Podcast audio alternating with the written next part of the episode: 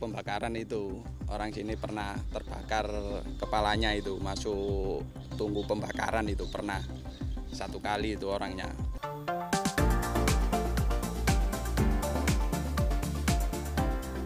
Ada yang familiar dengan perabot dapur yang satu ini. Buat yang gemar memasak, cobek biasanya digunakan untuk menghaluskan aneka bumbu dapur. Dan seiring perkembangannya, cobek tanah liat juga menjadi wadah untuk menyajikan makanan sampai alat untuk memasak. Sambal cobek bakar.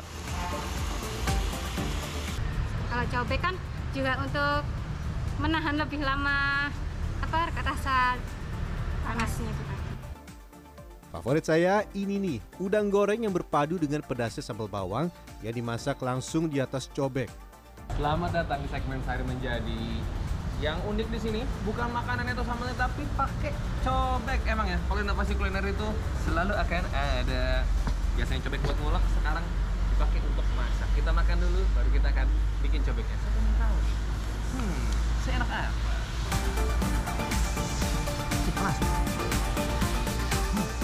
Untuk saya, sajian yang dimasak dan dihidangkan langsung dengan cobek membuat makanan hangat lebih lama.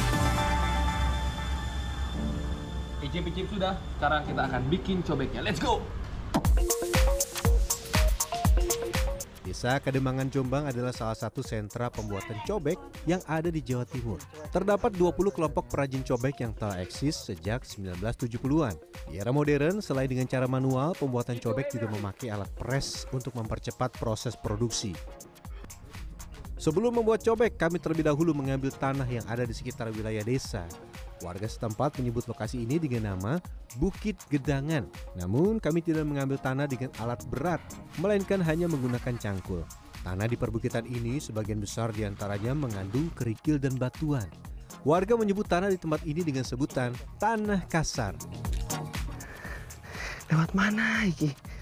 Miring semua iki. Hari baru dimulai, namun pakaian saya sudah basah kuyup oleh keringat.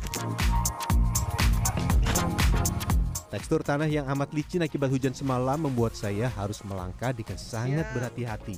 Sun, Meski sudah berhati-hati, namun ternyata pijakan saya ambles. Hujan licin. Perjalanan masih panjang. Kami lanjut mengambil tanah yang ada di tempat lain. Warga setempat biasa menyebut tanah di dekat perairan ini sebagai tanah lembut. Nantinya, kedua jenis tanah akan dicampur menjadi satu. Monggo. Yang tricky kalau nyari yang buat tanah liat dengan press, nggak boleh terlalu kering tapi juga nggak boleh terlalu basah yang bener-bener masuk ke air atau bekas sawah nggak bisa. Harusnya kayak gini nih, pas basah ada sedikit tapi nggak yang sampai ibaratnya tuh nggak sampai kayak sop berkuah banget gitu. Campuran kedua jenis tanah yang berbeda akan membuat tanah menjadi mudah dibentuk dan tidak mudah pecah. Nyangkut? Aman nggak, Duk? Enggak. Eh, Duk, gua juga nggak bisa ngelangkahin ini. Sama kita. Aduh, kameramen juga nggak selamat. Dan lagi-lagi kaki saya tersangkut.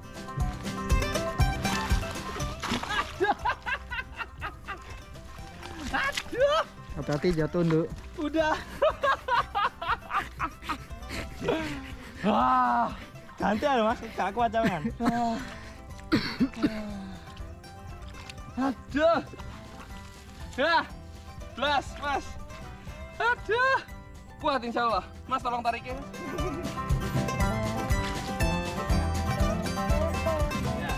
Meski dikenal sebagai desa produsen cobek tanah liat, namun warga mengambil tanah secukupnya.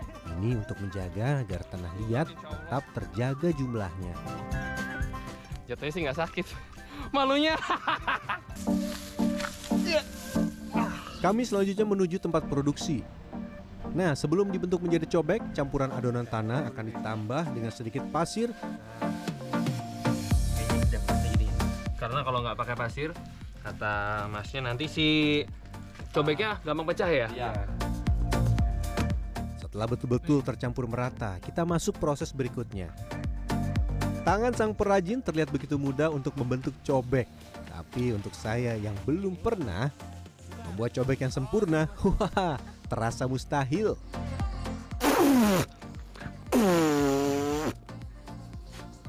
Pahit. Pahit, Bude. Pahit. Biasanya satu cobek manual selesai dalam waktu 15 menit. Dan saya telah menghabiskan waktu setengah jam. Ini udah dibantuin ibunya padahal 50% tapi agak susah. Nanti akan dibenerin. Nah, ini punya ibunya nih. Ini nggak sempurna karena masih 80% tapi tinggal sedikit lagi. Nah, punya saya boro-boro 80%. ya, harap ikhlas, harap maklum. Malah tadi bukan cobek. Jadi mangkuk bakso. Saya kemudian diminta para perajin untuk membuat cobek dengan bantuan alat pres. Pertama-tama, tanah liat dimasukkan ke dalam mesin penggiling agar menjadi halus sempurna. Ulang beberapa kali sampai tanah liat betul-betul kalis. Sebelum tanah liat dipres pipi menjadi cobek, oleskan dengan solar dan minyak jelantah. Ini diperlukan agar cobek tidak lengket dan tanah tidak mudah pecah.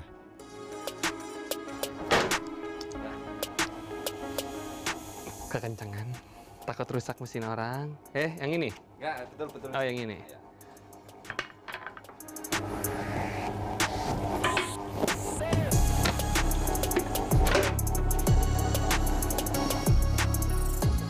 Wah, lumayan. Kalau ada alat presan jauh lebih mudah, lebih cepat dibanding yang manual. Tapi kalau yang presan seperti ini, kendalanya dia itu nggak bisa dipesan sesuai dengan bentuk yang di request lah dalam tanda kutip ya Pak. Udah ada standarnya. Tapi kalau yang dibuat manual, mau dibentuk ukuran berapa, mau yang jumbo, mau yang kecil bisa. Dalam sehari, tempat ini bisa mencetak hingga 500 cobek tanah liat yang dikirim ke berbagai daerah. Mulai dari Surabaya, Yogyakarta, Semarang, bahkan Pulau Dewata Bali. Oke, untuk tidak jatuh. Shalalalala. Dah.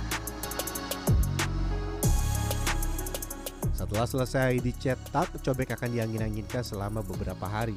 Usahakan cobek tidak terkena sinar matahari langsung yang dapat membuat daya rekatnya berkurang dan menjadi mudah pecah ketika dibakar.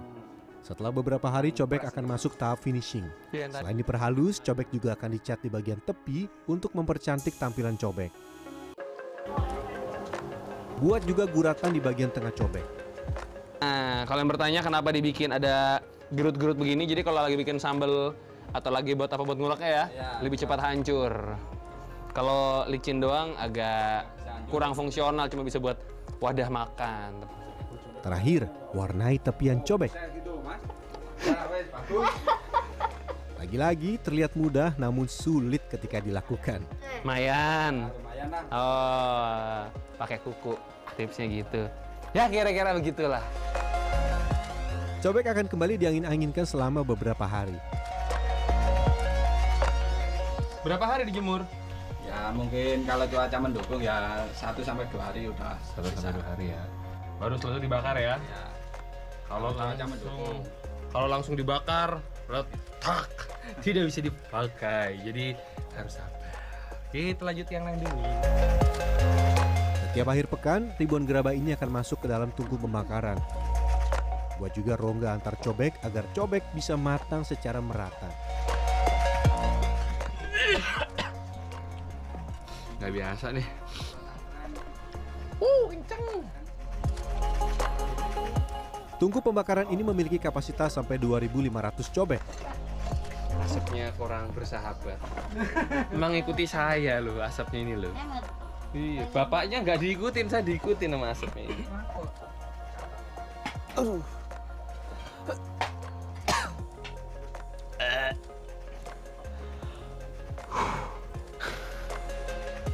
Upayakan juga cobek tidak menutupi bagian dinding dalam tungku pembakaran agar panas tidak tertahan di satu titik yang membuat kematangan cobek tidak merata.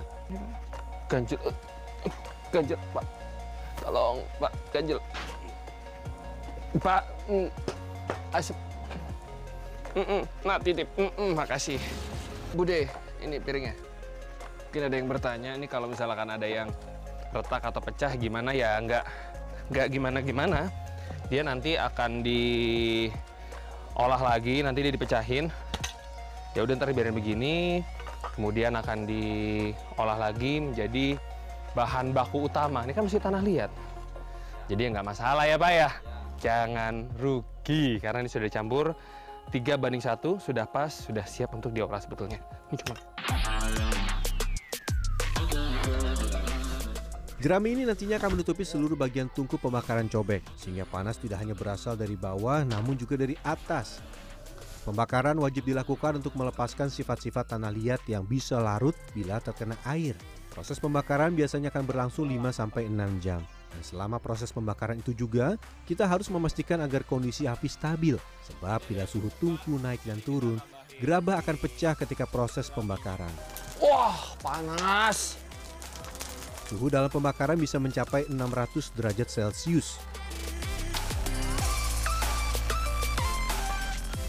Total ini butuh waktu sekitar dua hari sampai tiga hari untuk benar-benar mematangkan. Dibakar seharian, kemudian di hari ke dua dibiarkan pendinginan, di hari ketiga, keempat baru diambil. Kalau baru langsung diambil, puas.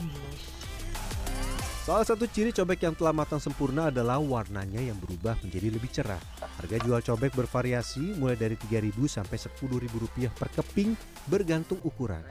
Dalam sekali bakaran setiap akhir pekan, tempat ini bisa meraup omset belasan juta rupiah. Namun ada risiko besar di balik besarnya rupiah yang didapat. Karena itu orang sini pernah terbakar kepalanya itu masuk tunggu pembakaran itu pernah satu kali itu orangnya. Tap- Perkiraan itu orangnya kepleset, kepleset entah ambil apa itu terus orangnya tertelungkup masuk tunggu pembakaran itu. Yang nolongin? Yang nolongin itu istrinya. Ada yang tertarik menjadi produsen cobek seperti saya? Selain harus punya fisik yang prima, kehati-hatian wajib dimiliki oleh produsen cobek tanah liat. Jangan sampai seperti saya, kurang berhati-hati dan terjatuh atau bahkan mendapat luka bakar seperti yang pernah dialami salah seorang warga desa. Yan Fernando di Yogyakarta, Jombang, Jawa Timur.